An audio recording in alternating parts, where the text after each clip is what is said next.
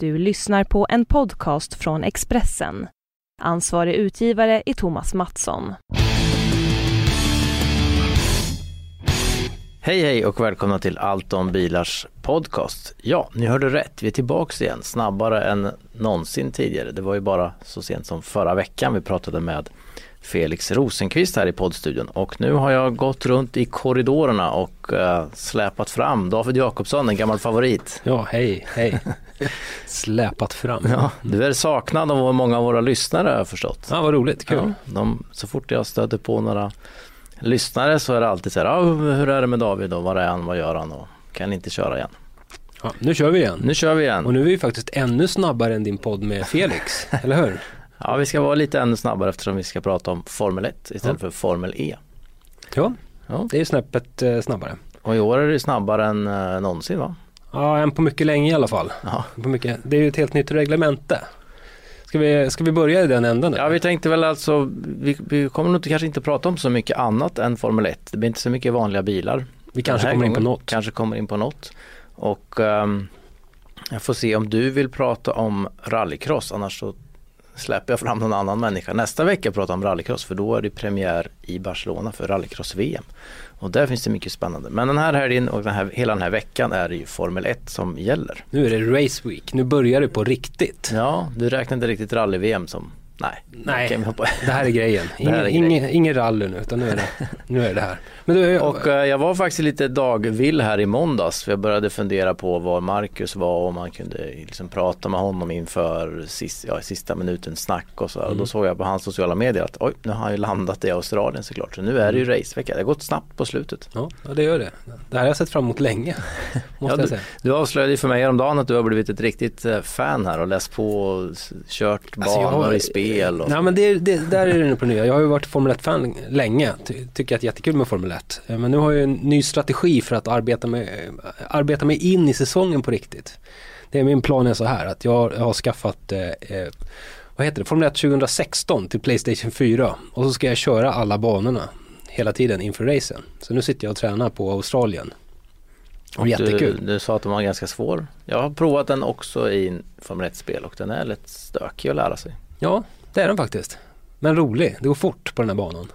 Jättefort. Jag är väldigt glad att jag sitter hemma i soffan och inte i en riktig Formel 1-bil. För att förmodligen har jag varit död ganska många gånger om här. Ja, i alla fall är de här nya. Vi snuddade vid det. Det är ett nytt tekniskt reglemente och mm. många av lyssnarna kanske har sett bilarna. De är bredare, fetare däck. Det är mm. större vingar. Det är så här mm. hajfena på mitten. Mm. Och de ja, alla tycker att de ser coolare ut nu i alla fall. Mm. Och går mycket snabbare. Mm. Mer downforce, mer eh, bredare däck med mer grepp. Och det, vad snackar vi, 3-4 sekunder pratas det om. Att de är snabbare per varv. Och det är ja. mycket det. Det är mycket, varav däcken var väl någon sekund eller? Av den tiden. Ja, vad som var vet jag inte men det... Och sen går det ju mycket snabbare i kurvorna. Och sen har de varit lite snällare mot förarna vad gäller vikt så att många förare har ju byggt på sig muskler under vintern. Mm, mm. De har ju tränat mer nu, styrketräningen än på många år och uh, nu ser de lite biffiga ut igen. Mm. handlar väldigt mycket om nackmuskler. Det har ju Marcus Eriksson haft ett jättefokus på att måste bygga upp nacken. Och han ser ju ut som en som en brottare nu killen. Det gör det faktiskt. Jättestora nackmuskler och jättesmala armar och sånt. Ja, det var någon som förklarade att det, det är väldiga G-krafter nu med huvudet och hjälmen där mm. med nya reglementet. Och det var någon som sa att Tänk dig om du lägger det på sidan på en soffa med huvudet över kanten och så ska du bära upp en gammal tjock-tv med skallen. Ungefär så mycket handlar det om, ja. de här krafterna. Ja, då behöver man ju muskler faktiskt. De har, de har ju inte så mycket stöd i stolen vad jag förstått. På sidan liksom. Man kan ju se på Nascar de här, de har ju gett eh, öron på stolarna som de kan typ lägga huvudet mot lite grann. Men, klart Men så är det inte riktigt i en Formel 1-bil. Alltså huvudet åker ju inte så lågt i en Formel 1-bil heller Nej. eftersom du sitter ju där i sittbrunnen. Men, men eh, du vill ju ändå själv kunna kontrollera var du har huvudet när du kör en ja. racerbil över 300 km i timmen. Sådär. Så ja precis, för det har att göra med mycket annat vad man tittar på och sådär. Ja. Och hur det känns, man kan ju bli åksjuk om det vinglar för mycket. Ja, vad tycker du när du tittar på bilarna då? Hur, om du jämför med förra året? Ja, de ser ju, ja, de ser ju snyggare ut. Det är ju häftigt när de här breda hjulen faktiskt, breda mm. däcken. Det är ju, det är ju riktigt coolt liksom och uh, Sen de här hajfenorna vet jag inte, det är lite så här långloppsracing över det där men men äh, det finns ju de, Mercedes har väl kört både med och utan äh, som fena så vi får väl se vad som, vad som blir grejen och kanske olika på olika banor och så. Mm. Äh, det kan väl kanske tycka ser lite konstigt ut sådär men det är ju mest bara när man ser den rakt från sidan. Ja. Det är ju sällan en bild man kommer att se i tv, där är det ju mycket snett framifrån. Det beror på vem, vilken eh, sponsorlogga som sitter på den här hajfenan. ja. Kan man tänka sig. Ja, ja. Jag tycker, tycker också att de ser tuffare ut bilarna. Eh, jag gillar ju att den här smala höga vingen i bak har blivit bredare och lägre. Det tycker jag ger rätt mycket, gör mycket ja. för, för synintrycket. De ska ju inte riktigt vara så höga som de blev för, förut. Nej. Överlag liksom. Det var inte, inte så fint. Sen lite nya färger. Vad tycker du om Force India har ju rosa och svart. Ja, det var någon som pratade om, om Barbie och Ken där som skulle ut och köra ihop. Det, det, rosa bandet har en given eh, frontkampanj här nu. Ja, jag, jag, det är inte det snyggaste jag sett. Nej. Det tycker jag inte. Så McLaren Honda, Honda har ju bytt färger nu. Mm. Orange och svart. Ja, den ser väl bra ut. Jag tyckte för sig eh, McLaren brukar alltid ha snygga bilar. Mm. Ja. Orange är ju lite deras färg vad vanliga bilar. McLarens sportbilar kör ju lite orange Precis. touch liksom. Så de har väl kommit lite närmare det släktskapet här. Mm. Nej men fina bilar. Vilken tycker du, vilken är din favorit då? När det gäller utseende nu Ja Sauber har ju lite, också lite nytt. Eh, 25-års jubileumsloggan på sidan där mm. och lite, lite ljusare då. Vitt istället för där det var tidigare. Blått, vitt och guld har de, har de jobbat med. Ja. Martini Williams-bilen är ju kaxig. Mm. Det är ju snygg, snyggt eh, sponsorskap kan man säga. Det, det är väldigt mm. stilfullt gjort av en sponsor. Mm. Ja, men det är väl bra. Det är lite um, skillnad nu också på Red Bull och. Toro Rosso är lite ljusare blå. Mm. En snygg så här matt blå på, på Red Bull-bilen. Ja. För, eh, för, för, några år sedan eller kanske till och med förra året var det ju lite förvirrande om man var helt ny som tittare. Förstod det ju Red Bull på Toro Rosso-bilen och Infinity på Red Bull-bilen. Just det. Ja, det är jättekonstigt. det, det, där, det där vet ju alla som hänger med men de som tittar på ett F1-lopp för första gången undrar ju vem som är vem. De var, var lite för lika och även eh, de här silverfärgade bilarna var väldigt lika varandra för en ny, ny tillkommen mm. tittare som det heter. Men sen så tror jag att alla som är tittar på Formel 1 är med och har koll. För att annars är det ju inget roligt. Det är inget kul att bara sätta sig och titta på ett Formel 1-race. Nej.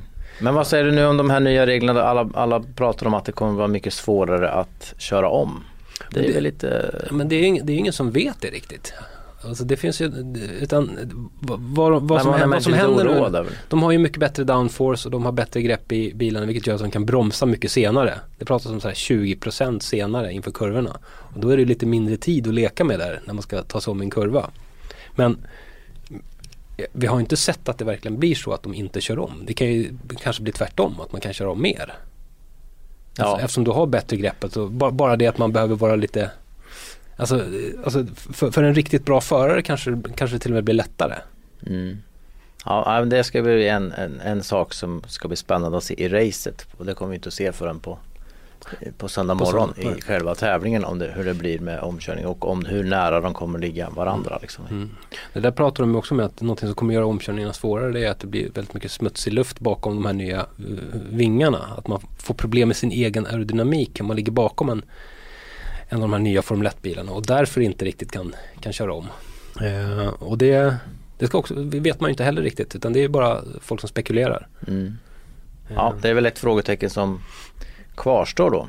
Ja. Eh, vad, vad, tycker du annars om testerna? De har kört totalt åtta dagar i Barcelona. Ja. Var det något som överraskade?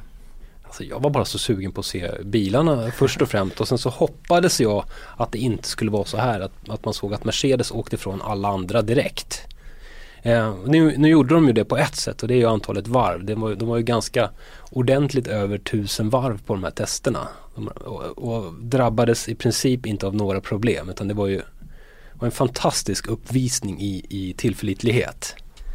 Eh, ja, de körde ju flest, bra mycket fler varv än uh, En tvåan har en uppgift att de körde 3170 kilometer Ja. testvarv. Ja, nej, men det var, jag kommer inte ihåg exakt. Det men var det ju var, bra mycket mer än det var tusen än något varv ja. sådär. Eh, och det var ju häftigt. Men de var ju inte snabbast under testerna. Nej, Eh, eh, utan det var ju faktiskt Ferrari som satte den snabbaste tiden. Och det tyckte jag var lite kul för att jag, jag hade ett hopp som, som växte sakta under testdagarna sådär att, att tänk om det sådär att det finns utmanare till, till Mercedes nu. Eh, så trodde jag att Mercedes skulle smacka till den sista dagen och köra ifrån alla med två sekunder. Men, men eh, så blev det inte. nej det var en gammal favorit Kimi Räikkönen också som var Mm. allra snabbast. Det var extra kul. Mm. Men jag tror att det är på riktigt. Jag tror att Ferrari har kommit närmare. Jag tror att Ferrari har kommit närmare. Eh, det är flera Mercedes-representanter, bland annat Lewis Hamilton som har antytt att, att eh, de får se upp för, för Ferrari. Eh, jag hop- hoppas att, inte, att han fortsätter att leka leka någon slags lek här och, och liksom försöka få, få alla att tro att, att det ska bli mer spännande än vad det blir. Men, men jag, var ju, bästa tiden var ungefär sju, hela sju tiondelar snabbare. Ja, en, kval, finns- en, en, en pole position-varvet förra året ja. Nej, en, en Mercedes. De hade, Ja, Ferrari ja, hade jag. noterade en 18,6 och Mercedes körde en 19,3 Mm. ungefär. Ja, men sen så, sen så är det fortfarande så här. Det, alltså det är mycket tjuv och rackarspel i Formel 1. Det är mycket, mycket av den varan. Och det, det kan ju vara så här att Mercedes är så fantastiskt självsäkra och vet precis vad de har. Så att de bara var ute och ville provocera, eh, få fram så många varv som möjligt och bara slita på delar. Det var bara det de jobbade med. Eftersom de eh, känner att de har ett paket som funkar. Mm. Får vi kvalet på lördag så kanske de liksom, där är första gången de kommer släppa loss allt. Ja. Och då, det blir spännande. Jag var faktiskt äh, mest överraskad och lite bekymrad samtidigt över McLaren Honda. Som ju då, deras bästa tid var på 1.21.5 Mm. och de körde ju väl minst av alla i antal varv. Mm. De hade jättestora problem, motorn skakade, vibrerade sönder. Ja, fem eller sex motorer tror jag de, Ja. de förbrukade under testdagarna. Det, det är vad Det man var- har för en det säsong fan- annars. Det fanns inget bra liksom som hände. Eh, så att det, det, var, ju- det är ju en stor katastrof. Det snackas ju en hel del. Jag pratade med Felix förra, Mm. förra veckan här och när vi hade slutat inspelningen så fortsatte vi att prata om om eftersom han håller till i Japan lite grann nu och, och, och snackar med mycket folk och så här och vad, vad tror man liksom och, och eh, det, det är ju en jättegrej Mm. att de har misslyckats så kapitalt igen får man säga. Mm. Ja, det var ju en jättegrej redan förra året. För att, eh, då var de liksom på nivå där de borde leverera klanderfritt fritt Mm. sådär. Och det var till med så att Honda har ju tagit fram sin nya NSX. eh, Sin, en supersportbil som, som jag var och körde någonstans förra sommaren. Ja förra sommaren, Ja. julen.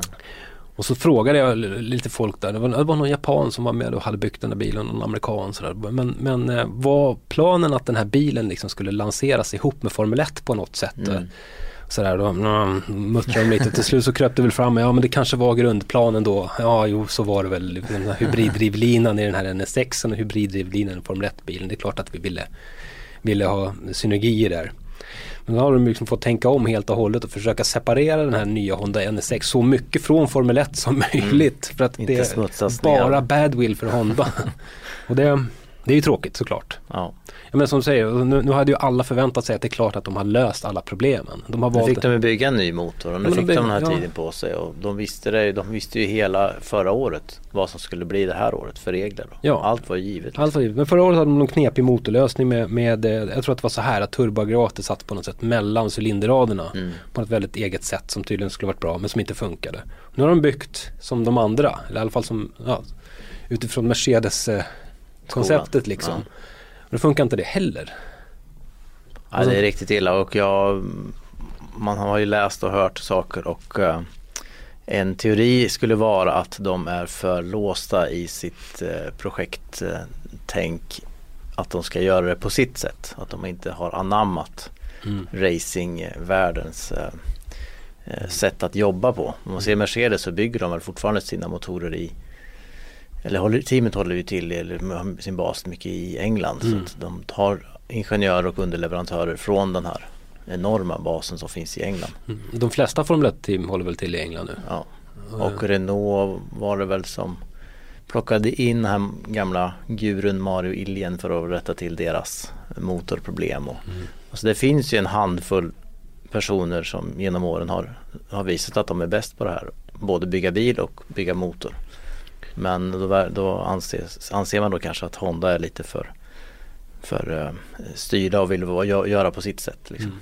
Och det går inte tillräckligt snabbt och det blir, blir inte tillräckligt bra. Så någon beskrev det att om man, om man frågar en underleverantör, jag behöver de här delarna, när kan du leverera? Ja, det kanske går på sex veckor, då ska man få det på fyra och sen nästa gång man går dit så ska man ha det på två. Mm. Det är så man jobbar i England liksom.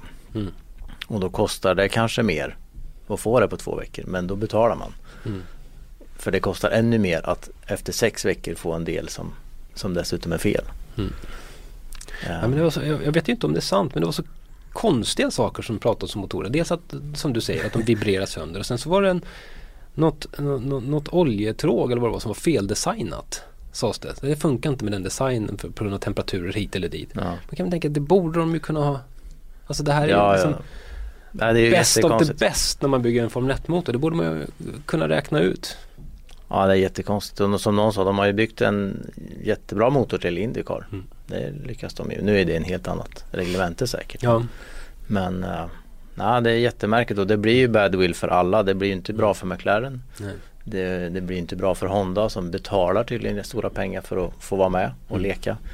Eh, och ska McLaren ta sig ur det här så är det ju väldigt, väldigt svårt. Och Mm. det är Och sen så, in, in, ja, pengar in försvinner och det blir dyrt att betala ut. För det jag tycker motor. mest synd om här det är ju faktiskt Fernando Alonso. alltså jag anser, jag håller honom väldigt högt som förare. Han är lätt topp tre i världen för mig. Jag, Jag skulle tycka att synd om någon som tjänar kanske 50 miljoner per år. nej men tänk, du, tänk om du sitter där och är typ bäst i världen och så får du aldrig visa det. Det är ändå lite tråkigt. Hans tid rinner ju ut på något sätt. Ja, ja. Hans varumärke försvinner. Han, det är ju han som sitter där med en rykande motor och Ja. Ska försöka sitta och försvara sitt team i intervjuerna efteråt och så. Men han har ju varit lite i girig om man säger. Alltså han har ju, gick ju från Renault till Ferrari. Det var väl Mm. delvis för pengarnas skull och där lyckades han ju inte bygga något bra liksom. Han har varit på i McLaren, lyckades inte heller bygga något hållbart bra av en eller annan anledning. Mm. Ja, jag, ju, Jag- man jag- kanske ska stanna då och jobba, jobba sig ur det. Jag tycker nog han ska Inte- försöka byta en ja, nu- gång till. Det tror jag, tror jag Nu kanske det tar för många år att bygga sig ur det här. Men han Alltså- har väl någon klausul som säger att han får ge sig om eller sluta. Han har ju hintat flera gånger att han, att han tänker inte sitta där och vara någon bromskloss. Liksom. Mm, Det har snackats ganska mycket om, ja, självklart så snackas det mycket om Mercedes i och med att Nico Rosberg, den re- regerande världsmästaren, beslöt sig för att lägga hjälmen på hyllan. Men det snackas ju nu om att Hamilton kanske inte är så himla taggad längre och det pratas om att Valtteri Bottas kanske egentligen inte kommer, kommer hålla måttet. Och, och det kan ju liksom mycket väl bli två platser i Mercedes ledigt till säsongen 2018. Ja, Då kan jag ju tänka mig att, att Alonso är, att han redan står där liksom. Med ja det var väl en, en, den som de allra helst ville ha tror jag. Kan jag tänka mig. Mm. Eh, ja, om vi kommer in på andra saker som hände under testet så var ju eh, en, annan, en annan besvikelse var väl Lance Stroll, nybörjaren, nykomlingen som Gud, kraschade och körde bort sig. Och, Stackars pojk.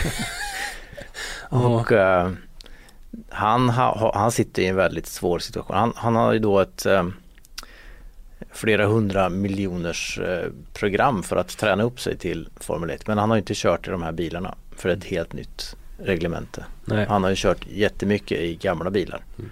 och kommer ju på det sättet bra förberedd. Men tydligen så var det här lite för svårt av en annan anledning, det vet vi ju inte. Mm. Men han körde ju av lite för mycket och lite på fel, vid fel tillfällen. Mm. Skadade lite för mycket bilar och Alltså nu, nu, är det ju, nu är det ju inte egentligen jättesynd om Lance Stroll. Alltså Han har ju en pappa som är ungefär rikare än Gud och som, som, som bara ser till att han får en uppladdning när han får köra Formel 1-bil runt på olika banor i hela världen. Sådär, för att han tycker det är klart att grabben ska köra Formel 1.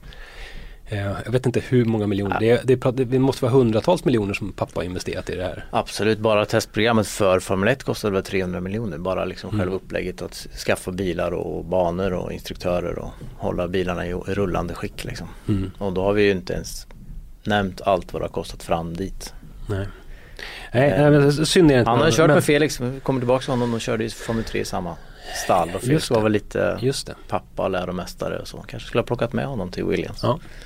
Det ja. sades ju då att han, många tyckte att han skulle ta ett läroår i Williams innan han började tävla. Men eh, vi får se. Mm. Andra har ju lyckats. Förstappen har gjort samma kliv. Det har ju mm. gått superbra. Ja, han vann väl premiären när han bytte till eh, Red Bull, var det inte så? Jo, han vann första racet där. Ja, vann kanske han Jag kommer inte ihåg. Nej, men han har ju, han har ju eh, tagit det klivet jätte, jättebra. Ja, andra saker vi måste ju prata om Sauber förstås som ja. ju har eh, Vad säger vi där då? noterad långsam, långsammaste tid under de här testerna faktiskt. Mm. Långsammare än McLaren som vi hackade på nyss. De hade väl också lite de fick ju köra första um, testsessionen utan uh, Pascal Wehrlein, den nya killen. Körde de med Ferraris testförare istället. Och Marcus körde och sen kom Wehrlein in men pallade inte köra hel dag så då började de köra halvdagar. Mm. Kanske var lite stökigt i själva programmet. Kan det vara så? Uh, Wehrlein var inblandad i en ganska ordentlig krasch, Race of Champions. Uh. Ja, i december va? Ja. Där han på något vis körde på någon annan och körde av. Och gjorde, jag fick mycket kritik för själva alltså, hur jätte, han hade kört. Liksom. Ja, ja, men det var en, kon, det var en konstig krasch. Ja. Det var liksom sådär efter målgång kändes det som och sen pang. Ja. Men han skadade nacken där och uh, det har vi redan pratat om. Den är viktig. Sista. Ja precis. Den är in i det sista var det oklart om han skulle kunna köra mm. överhuvudtaget men han körde då en del av de sista dagarna i Barcelona. Mm. Men eh, annars så sägs det ju. De, de, de kör ju kvar med fjolårsmotorn då. Ja. Men det ska ju ändå vara den motor som eh, Ferrari avslutade säsongen. Ja precis, den senaste specifikationen av Ferrari-motorn. Um, men den saknar ju då säkert lite kraft jämfört med mm. de här allra, allra nyaste. Ja, och det kanske kommer, det, det, det kommer ju visa sig. Mm. Bakgrunden, om, om alla kanske inte, alla har säkert koll på det men jag rabblar i alla fall att bakgrunden till det här är ju att Sauber har dragits med ganska allvarliga ekonomiska problem under en lång tid. Eh, och nu valde man att fokusera hela sin budget på att bygga den nya bilen. För att få till det så bra som möjligt och därför så fick man nöja sig med att köpa den gamla motorn. För att kunna veta hur ja. motorn ser ut för att bygga bilen runt den. Ja, precis så. Och den nya motorn är säkert dyrare också såklart. Eh, och eh, man tänker också att, har, att, eh, att man har en annan eh, driftsäkerhet i den gamla motorn. Ehm, vilket är kul. Vi får se, det, det, jag hade nog kanske förväntat mig att de skulle vara lite snabbare på testerna. Ja, och sen var det väl lite oroväckande att de kom med någon uppdatering till, till session 2 som mm. inte funkade utan de fick backa tillbaks till mm sin, sin första uppsättning och det, är, det är aldrig bra. Eh, jag har Nej. fått höra här de senaste dagarna mellan, av personer som känner människor i teamet som säger att de kommer att få en, en tuff säsong så vi kanske inte ska ha några jättehöga förväntningar. Nej men det är helt klart att de kommer få en tuff säsong. Det så är det. Men, men eh, håller på med snusdosa därför låter det konstigt här. Eh, nej men det, det, de kommer få en tuffare och tuffare säsong eh, för det första. I början så kanske de kan leva på sin tillförlitlighet i den här gamla motorn som är välbeprövad mm. och så vidare. Om, om McLaren ska åka och blåsa motorer och man vet inte hur den nya Ferrari-motorn funkar eller Mercedes. Renault har ju haft problem också ja, på testerna. Och då, då har ju Sauber faktiskt en chans bara att luta sig tillbaka mot det. Men eh, skillnaden mellan att ha en gammal och en ny motor är att den nya motorn kommer fortsätta att utvecklas under säsongen. Det kommer inte den gamla att göra. Nej och där har de ju lättat lite på reglerna också så att det är möjligt att förändra mer vad jag förstått under ja, säsong ja. än vad det varit, varit tidigare. Så det, det, kommer, de kommer att utveckla lite mer. Mm. Så framåt slutet, framåt Abu, Abu Dhabi så är det inget kul att köra Sauber. jag tänker det. Nej och det går i praktiken inte att byta motor till den nya heller även om de skulle om de kanske skulle få det. Det att... passar inte i bilen annars, ja, det är inte så lätt att bara skruva ur en motor och sätta in en annan. Nej det är ju inte så, den är alltihopa i en enhet. Mm. Men det här med motorer och Sauber. Eh, det faktum att Pascal Wehrlein nu är han är liksom eh, under Mercedes-Benz vingar egentligen. Det är Mercedes-kille ja. ja. Även om de har varit Ocon som ligger före i rankingen i, den. Mm. I, i det gänget men, eh, men det absolut jag, så är det Det har ju ändå fått att spekuleras i att, att eh, Sauber kanske satsar på en Mercedes-motor till 2018. Att det här är någon slags delbetalning för, för en motoraffär.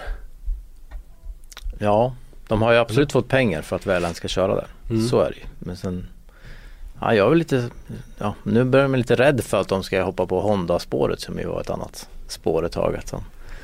Att Honda ska lova dem guld och gröna skogar och, och jättebra deal och sen de kör med Honda nästa år. Ja, vem vet, det, alltså, det kan ju vara Det kan vara vinnande De kanske då. får till det här nu. Ja. Och så, man, vi ska inte, alltså, många hånar Honda hela tiden Mm. sådär. Eh, Men det är en av världens bästa motortillverkare på många sätt. De har ju, har ju byggt många tävlingsmotorer i många grenar som har funkat väldigt bra. Mm. Kolla på dem de har byggt motorcykelmotorerna till MotoGP till exempel. Eh, under många år. Det, det är klart att nå, någonstans så, går, så kan de bygga en, en drivlina till en Formel 1-bil som är konkurrenskraftig. Ja, Eh, någon gång, någon gång ska de väl få till det där. Och de, det sägs att de har tioårsavtal med McLaren så att de har ju gett sig in i det här för att, för att lyckas så småningom. Mm. Men det fanns också i den här artikeln jag läste om liksom hur de tar sig an projektet att de, de ser det här på lång sikt. De kanske inte tycker att det är så jättejobbigt att förlora ett år. För att när de väl får till det så kommer det att snurra på i fem år Mm. och då kanske de är bäst. Mm. Medan McLaren sitter i en situation där de jobbar för att vinna nästa tävling. Typ. Mm. De har den mentaliteten i alla fall. Oh, men de, de, de ska ju klippa en tiondel i nästa sektor Ja, liksom, på banan. då, då, ja, då är det inte så här, jaha, då lärde vi oss av det här misstaget, då gör vi inte om det nästa år. Mm. Nej, Det, det är klart att det blir spänningar i, ja. i det hela. För Nu har ju Mika Häkkinen kommit in i McLaren så han Ja. kanske vänder på det Nu här. löser det sig. Nu har vi sett vad som hände i rally när man plockar fram en gammal eh, rallyfinne. Det gick ju väldigt bra för Toyota där Ja, i början. Eh, jag vet inte om Häkkinen har samma, ja, samma profil. Han ska vara mer ambassadör. Men Ja. Tommy, Tommy Mäkinen gick ju in som teamchef för, Mm. kallar han sig teamchef ja, för, för Toyota? Ja. Men eh, Mäkinen ska vara någon slags, ambassadör. ja, han Good, goodwill. Trevlig kille i depån. Ja. Men de behöver det också för att de har ju inte haft en titelsponsor på många år så att de behöver ju någon som, mm. som eh, folk gillar att hänga med liksom. Och sponsorerna kan ta sig an eller lyssna på vid någon middag och sådär. Det, är- det där är inte helt oviktigt faktiskt. Mm. Ehm, så det, det är väl ett steg. De, det sägs ju att McLaren har blivit ehm, för mycket storföretag och där för många i den yttersta ledningen inte själva har kört racerbil på hög nivå. Så att de inte riktigt vet vad som krävs.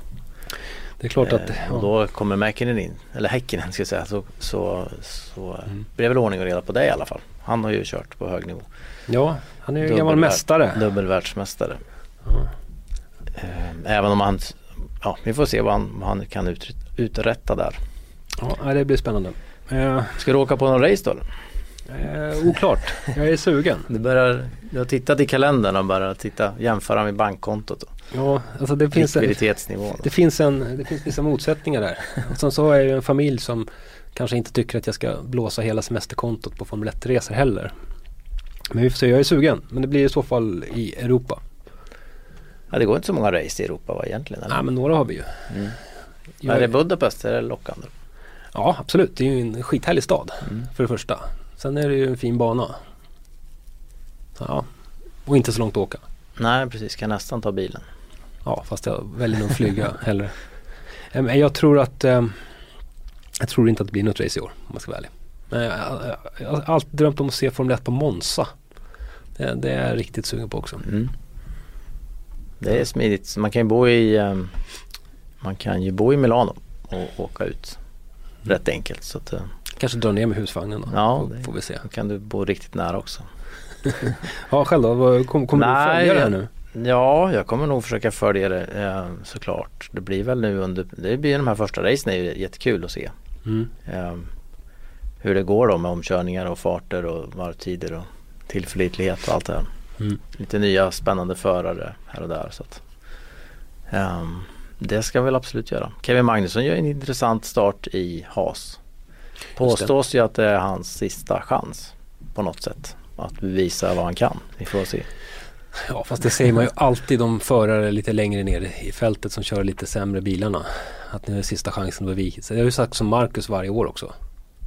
Ja men nu sitter ju han väl han lite säkrare va med tanke på att det är svensk, alltså svensk intressen bakom teamet också nu. Jo, och kanske.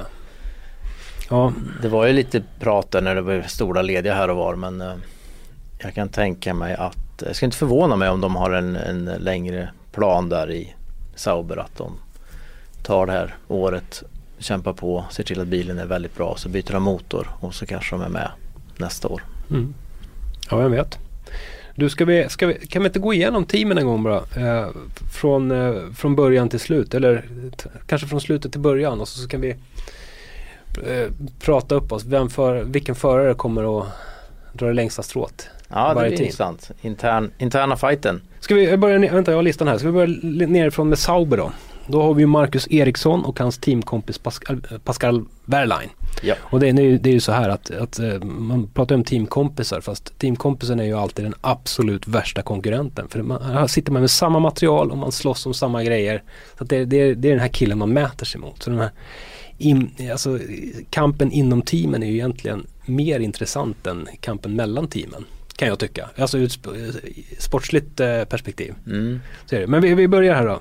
Marcus Ja. Mot Pascal Ja, Wehrlein. men vi, har, vi lyssnar med båda på, två på Janne Blomqvists F1-podd här och där har det ju, så han, Janne var ju med i Barcelona på testdagarna, testdagarna där när de var i samma tält de här två killarna Mm. och de visade ganska tydligt att de inte var några kompisar i alla fall. Mm. Det är inte så att de går och tar en uh, kopp kaffe ihop eller knappt hälsar på varandra. Ja, eller tränar ihop eller något sånt. Inget Nej, sånt. inget sånt. Nej. Och de, de, eh, enligt Janne där så var det så att man morsade på varandra en gång per dag på morgonen och sen fick det vara nog.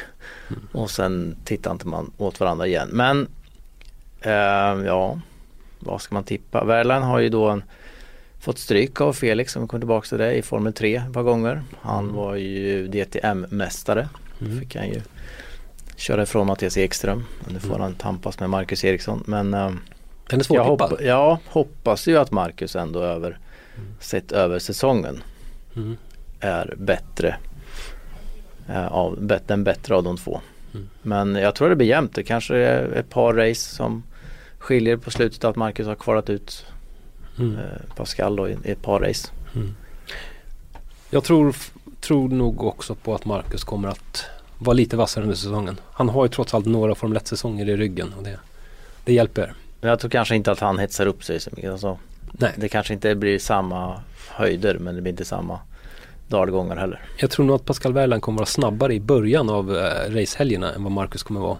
Och sen kommer Marcus sakta jobba sig upp i Mm. fart. Och därmed göra färre misstag. Ja, Han har lite den taktiken faktiskt. Att han eh, börjar lite försiktigt. vi har Renault också. Det är ju, det är ju jättespännande med Nico Hülkenberg mot eh, Jolon Palmer. Ja, är, jag har ju lite svårt för deras teamchef där. Ja, vad men teamchefen kör ju inte. Nej, men, och de har inte lyckats jättebra så jag tror att Renault kan ha problem. Annars tycker jag ju förarmässigt är det ju solklart att Hülkenberg är ju nummer ett. Mm. Alla dagar i veckan. Det är en riktigt bra förare som, Mm.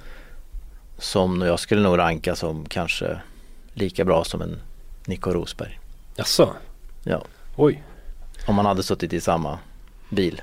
Ja, men går vi vidare till Haas. Det där var ju så solklart. Eh, vad, vad tror vi där? Det kan ju vara svårare. Romain Grosjean mot eh, Kevin Magnussen. Nej, jag tror jag skulle hålla Grosjean som en bättre förare faktiskt. Mm. Ganska givet där också. Även om Kevin är duktig faktiskt, det, det ska jag inte säga något annat. Sen verkar han Grosjean ha humör som en tarantella ungefär. Så att om någonting börjar gå fel för honom i den här Haas-bilen då kan det nog bli det kan nog Kevin Magnussen vinna en hel del på. Ja, om man kan hålla sig lugnare ja. Och det verkar han kunna göra. Så att, eh, Mm. nej, det är nog samma lite där. Det blir mer upp och ner för Grosjean men fast, faktiskt kanske. Ja, men det Mestadels upp. Grosjean. Grosjean. Toro Rosso då? Daniel Kvyat och Carlos Sainz. Det här är också svårtippat tycker jag. Sainz är en sån här kille som de, som de tycker ska kunna gå vidare till ett stort stall Mm. när som helst. Då. Mm. Han är väl påtänkt lite här och var. Mm. Ehm, spanjor också som han är så har han ju bra förutsättningar. Mm. Ehm, men ryssen tycker jag, han tycker ändå han, han hanterar den här petningen från, från Red Bull ganska bra när de bytte plats med honom och Verstappen. Ja. Han, kom, han studsade tillbaka där på slutet och ja, visst. lyckades ta, hålla kvar sin plats. Det, det här, alla sa att han inte hade en chans att få stanna. Det är knappt någon som kör så många säsonger i Toro Rosso som, eller i Red Bull utan att så att säga, gå vidare. Utan man brukar åka ut Mm. när man Jag, tror- jag, tror- nog ändå på Sainz. För, för, för mig är det klockrent. Jag tror att Sainz kommer att hålla upp det bättre mm, faktiskt. För han gör en del misstag. Man kanske, mo- i och för sig, han kanske har mognat han också under vintern men Ja, jag säger Sainz. ja, det blir nog, ja jag skulle säga att det blir ganska jämnt. McLaren då, där, där, är det, där är det verkligen en av gridens mest rutinerade förare i Fernando Alonso mot eh, Stoffel van Dorn som eh, Ja, se och lära. körde, körde in ungefär allting under testdagarna där som vi redan pratat om. Det är ju såklart, vi behöver inte ens säga att det är Fernando Alonso som kommer att Nej, hålla kvala ut honom. Van Dorn kommer nog att hålla till där vid, vid Sauber-gänget i Mm. den, den delen av fältet. Ska van Dorn eh, få ett bättre resultat under säsongen än Alonso då krävs det att Alonsos motor går sönder oftare. tror jag. Absolut. Så har vi Williams, vi pratar om Filip Massa och Lance Stroll då. Kraschkung så här långt. Ja, kraschkung. Det var ju verkligen han som körde in i allting. ja, Så att eh, det är väl också ganska givet. Ja. Eh, vi får väl hoppas för Lance Strolls skull att, att han bättrar sig.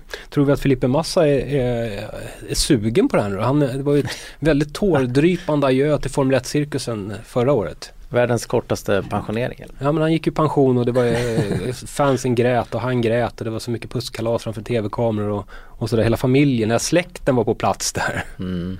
Och sen bara, nej men nu ska jag köra igen. Är det, Ja, nej det kan ju bli att jag tror att de inte kommer ha någon bra säsong. Kanske men kan, det kan ju vara att han, han kommer på igen att han tycker det är kul när de håller på. Mm. Men det som du säger, det, det kanske är så att luften har gått ur lite grann. Mm. Och sen har de då Lance som kanske kommer att ha problem. Så det här är ju också ett stall som även om de har en bra bil och en bra motor så, så kan det ju vara så att de sladdar lite. Och det finns en chans för sådana som Sauber att i början i alla fall köra lika snabbt. Vad är det sen? Force India? Force India med Perez och Ocon, det har inte snackats nästan någonting om på Nej. försäsongen. Det är, väldigt, det är en ny uppsättning. Ocon är ju då mycket snack när han valdes framför Wehrlein som Mercedes tredje val kan man Ja. säga. Tredje förare. Men, men de där är ju jämna. Eller Perez har ju grym rutin och är duktig. Så att, eh, Ocon ska väl få gasa på rätt hårt. Men det kan nog bli en jämn fight över säsongen. Ja, förmodligen. Förmodligen. Eh, Gam, också gammal DTM-förare. just det, vad har vi mer på din? Ferrari då? Det är ju spä- jättespännande i år. Tycker du det? Du Ja. tror att Räikkönen har en, en chans där? eller? Ja, det tror jag faktiskt. Mm. För att eh, Räikkönen, han, är- han, han var ju som allra bäst när bilarna var snabba liksom. Och när det, när, när det, när det krävdes lite cojones för att, för att brottas med bilen. Och på testerna, ja, det säger väl ingenting att han satte den snabbaste tiden men, men eh, Nej men han kanske blir lite, han är ju lite humör va? Humörkille. Han, drar, han, han tycker det är kul när de kan vinna. Mm. Det känns som att han inte tycker det är lika kul när han vet att de kommer att bli som bäst trea bakom två Mercedes. Då är det inte lika kul. Nej, och, det, och, och sen så har han alltså en teamkamrat om vi ska kalla honom för det nu med eh, Fett- Vettel som är kanske den största vinnarskallen som någonsin har funnits. Så lite skolad av, av Schumacher, Mm. kan alla tjuvknep i boken. Fantastisk förare. Ja, Jag vet att eh, alla odds, kolla faktiskt på Unibet eh, eller vad det var förut idag, och då var ju oddsen klart på Vettels fördel. Men jag slängde ändå in en femtelapp på Räikkönen. som världsmästare. Nej, inte som världsmästare. Jag- Att, eh, Vinnare i Australien. Vinna Australien. Oj då. Vi får se. Jag tror inte att de, någon av dem kan bli världsmästare. För jag tror inte att Ferrari har samma tillförlitlighet som Mercedes har. Men det är ju bara en gissning. Det är Ja. bara, Ja, jag skulle nog ranka Vettel före faktiskt. Fortfarande. då är vi olika. Ricciardo mot Max Verstappen. I Red Bull. Ja, det där är ju också spännande. Det var ju så här att, eh, om vi minns, var det inte Autosport som placerade Ricciardo som etta på sin topp 50-lista Mm. över alla världens Mm. rally och racerförare. Mm. Överraskande tyckte jag då. Fast när man börjar fundera på det så är det verkligen så. Himla överraskande. Han är ju en jätteduktig förare. Det där, det där är också två personligheter. Alltså jag inbillar mig att Verstappen kanske kommer att kunna vara snabbare här och där än Ricardo. Men att Ricardo kunna, kommer kunna köra jämnare med lite färre misstag. Det kan vara så att Verstappen kvalar ut Mm. Ricciardo men att Ricciardo har bättre, fler poäng Ja. ja, så kan det i vara. VM. Vi är överens igen. Och sen den han, stora han frågan. är kanske lite smartare men det beror ju lite på Verstappen om man är Det är klart, går det ännu snabbare nu så kanske han får varje misstag straffar sig hårdare också. Slutligen Mercedes. Mercedes ja. Lewis Lewis Hamilton. Hamilton, Valtteri Bottas. Det tror jag inte är något snack nu att de tänker ju inte skapa något nytt eh, förarkrig mellan två förare. Det är ju givet att Hamilton är nummer ett i teamet. Mm. Det skulle ju förvåna mig efter allt som hände mellan Hamilton och Nico Rosberg att de skulle sätta, försätta sig i samma situation igen. Utan skrev de nu ett nytt kontrakt med en ny förare så var det nog ganska givet där. Mm. Att du får nog finna dig och ge det nu. Men, om det blir så. Men det är inte säkert att, jag, jag är inte helt säker på att Hamilton kommer att vara snabbare än Bottas över säsongen. Alltså så här är det. En, en Lewis Hamilton eh, med ett harmoniskt sinne, sinnelag och fullt fokus på Formel 1 i en Mercedes-bil går inte att slå. För någon, tror jag. Men eh, Lewis Hamilton han har ju tidigare varit lite så här svajig. Han hade så här kärleksproblem till exempel. Mm. Då var ju, syntes det direkt på banan. Och sen haft så här perioder. Men tror inte att han är, nu vill ta tillbaka VM-titeln? Det är väl motivation nog? Liksom. Jag vet inte, är det det? Ja, det, kän, det skulle kännas, det känns som svårare att slå honom nu än om han hade vunnit tre raka. Ja, kanske. Kanske man, alltså, jag brukar roa mig att titta på hans Instagram ibland. under perioder då är det en massa sådana partybilder med kändisar i Los Angeles och i, sådär.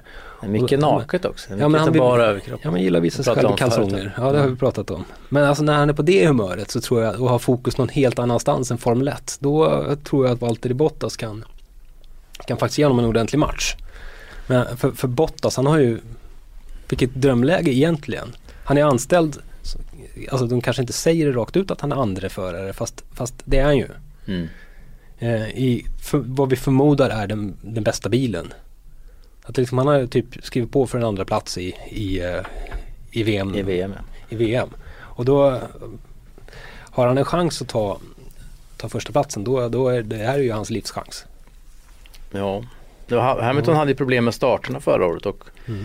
det sägs ju att um, förarna får lite mindre hjälp i år med att starta än tidigare mm. rent tekniskt och uh, det lär han ju få ordning på för han kan ju inte ha råd att släppa vad det var 50-60 poäng förra året.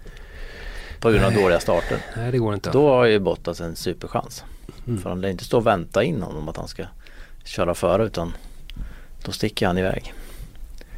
Uh, däremot tror jag Bottas sitter i en svår situation för jag tror bara att han har ett ettårskontrakt. Mm.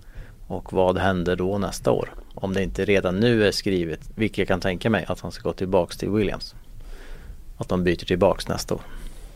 Ja, kanske. Det skulle inte förvåna mig om, om Bottas har en eh, räddningsplanka i form av Massas plats i Williams nästa år när, när alla har rätt ut sina kontrakt med vem ska köra vad. Mm. Ja, och då hamnar vi i det där läget också. Det förutsätter ju att Hamilton är kvar. Eh, ja, ja för, precis. För, för Nej, precis. Det vet ju inte Mercedes och det vet väl ingen. Men, mm. men eh, jag tror att om det blir så att Hamilton är kvar och de vill värva in någon annan då, då kan Bottas gå tillbaks till Williams. Det kan jag tänka mig.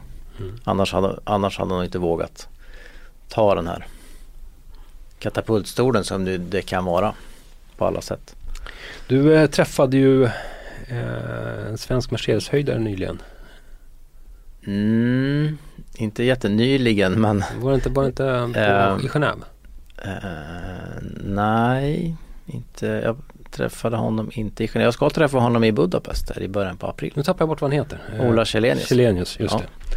Men prata... Så jag ska försöka, jag ska träffa honom i, vi ska ut och provköra Mercedes GLA och uh, titta på deras fabrik i Budapest. Mm.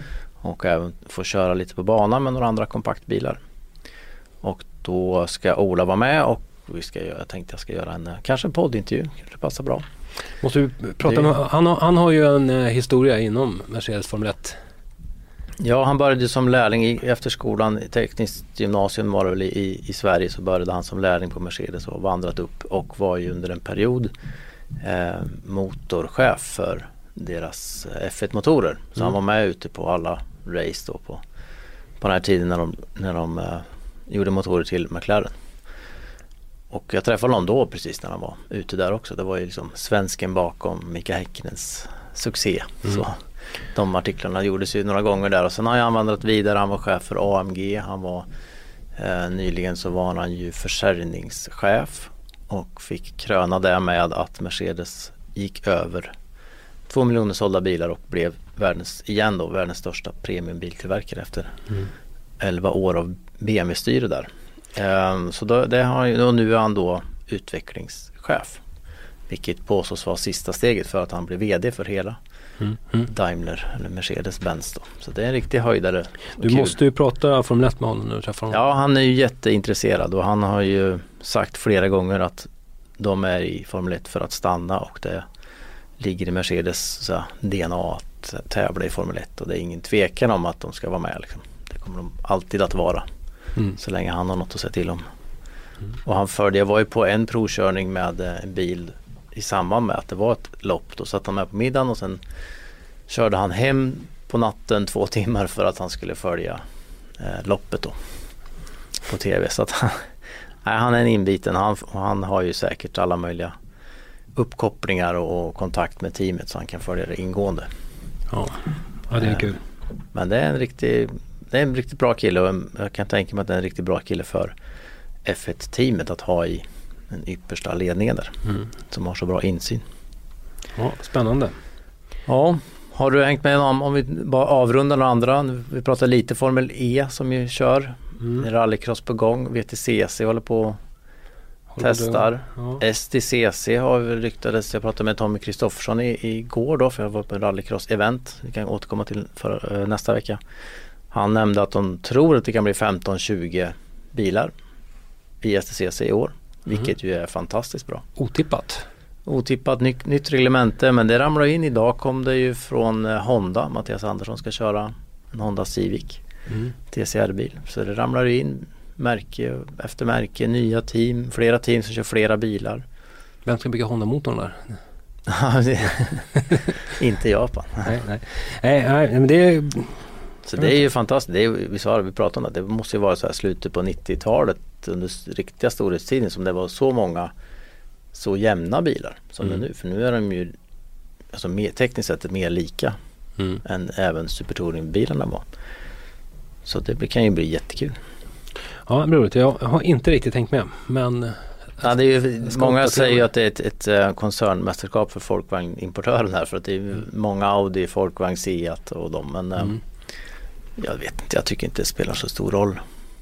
Om det är många bilar som, som är li, lika snabba och vi får bra racing då spelar det ingen roll om det är Folkvagn mot Audi mot Seat. Och är det med en Honda där så är det väl jättebra liksom. Opel har ju bilar också. Snackar om Hyundai håller på att bygga något. Och, Mm. så att, eh, nej men det, kan, det är kul. Det behöver svensk racing också. Vi har ju jättebra internationellt eh, nu med Joel Eriksson i Formel 3, alltså uppställningen där inför deras säsongspremiär och um, Gustav Malja i Formel 2 som det heter nu då. Just det, det byter ju namn från GP2. Ja. Ja, och vi har Marcus i Formel 1 plus vi har många, många, många som kör på hög nivå i olika standardbilsserier. Vi pratar bara bilar. Det är en MotoGP-säsong som drar igång i, i helgen också. där är jag däremot jag Motorcyklarnas helt- Formel 1. Ja, där har jag hängt med dåligt men det är lite snack om vingar va? Kåpor Ja. som ser för jävliga ut. Alltså det var ju förra året så, så, så och såg hojarna såg ut som hammarhajar ungefär framifrån. Det var jätte, jättefult. Men eh, nu är det lite nya, lite nya eh, regler för hur det här får se ut och så. Sen så är det lite nya uppsättningar i teamen såklart.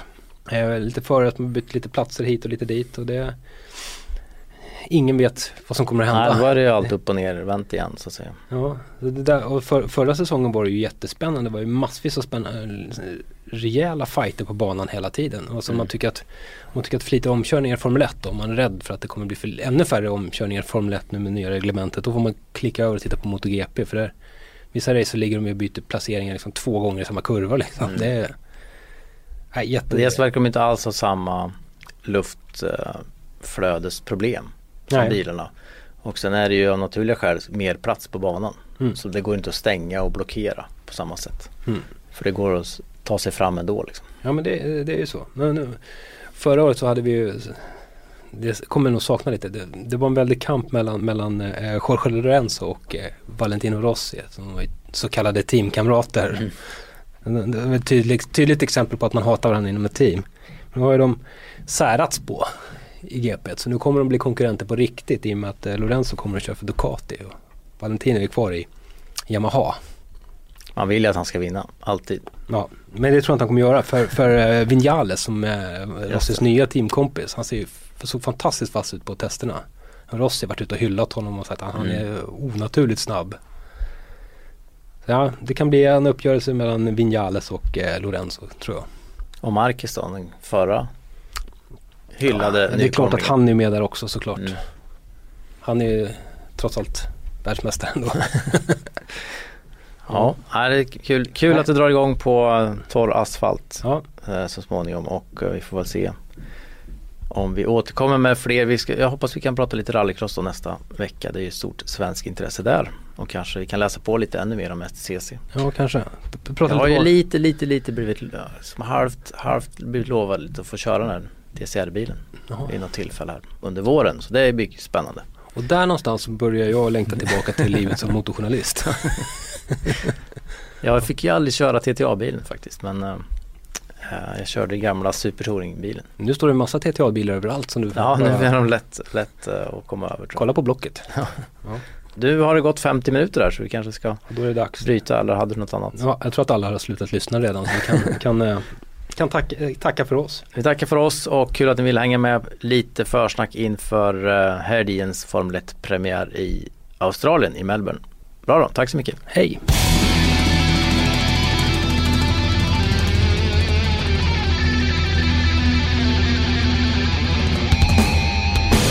Du har lyssnat på en podcast från Expressen.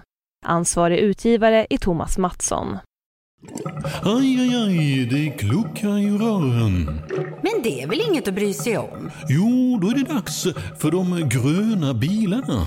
Spolarna behöver göra sitt jobb. Spolarna är lösningen. Ah, hör du? Nej, just det. Det har slutat.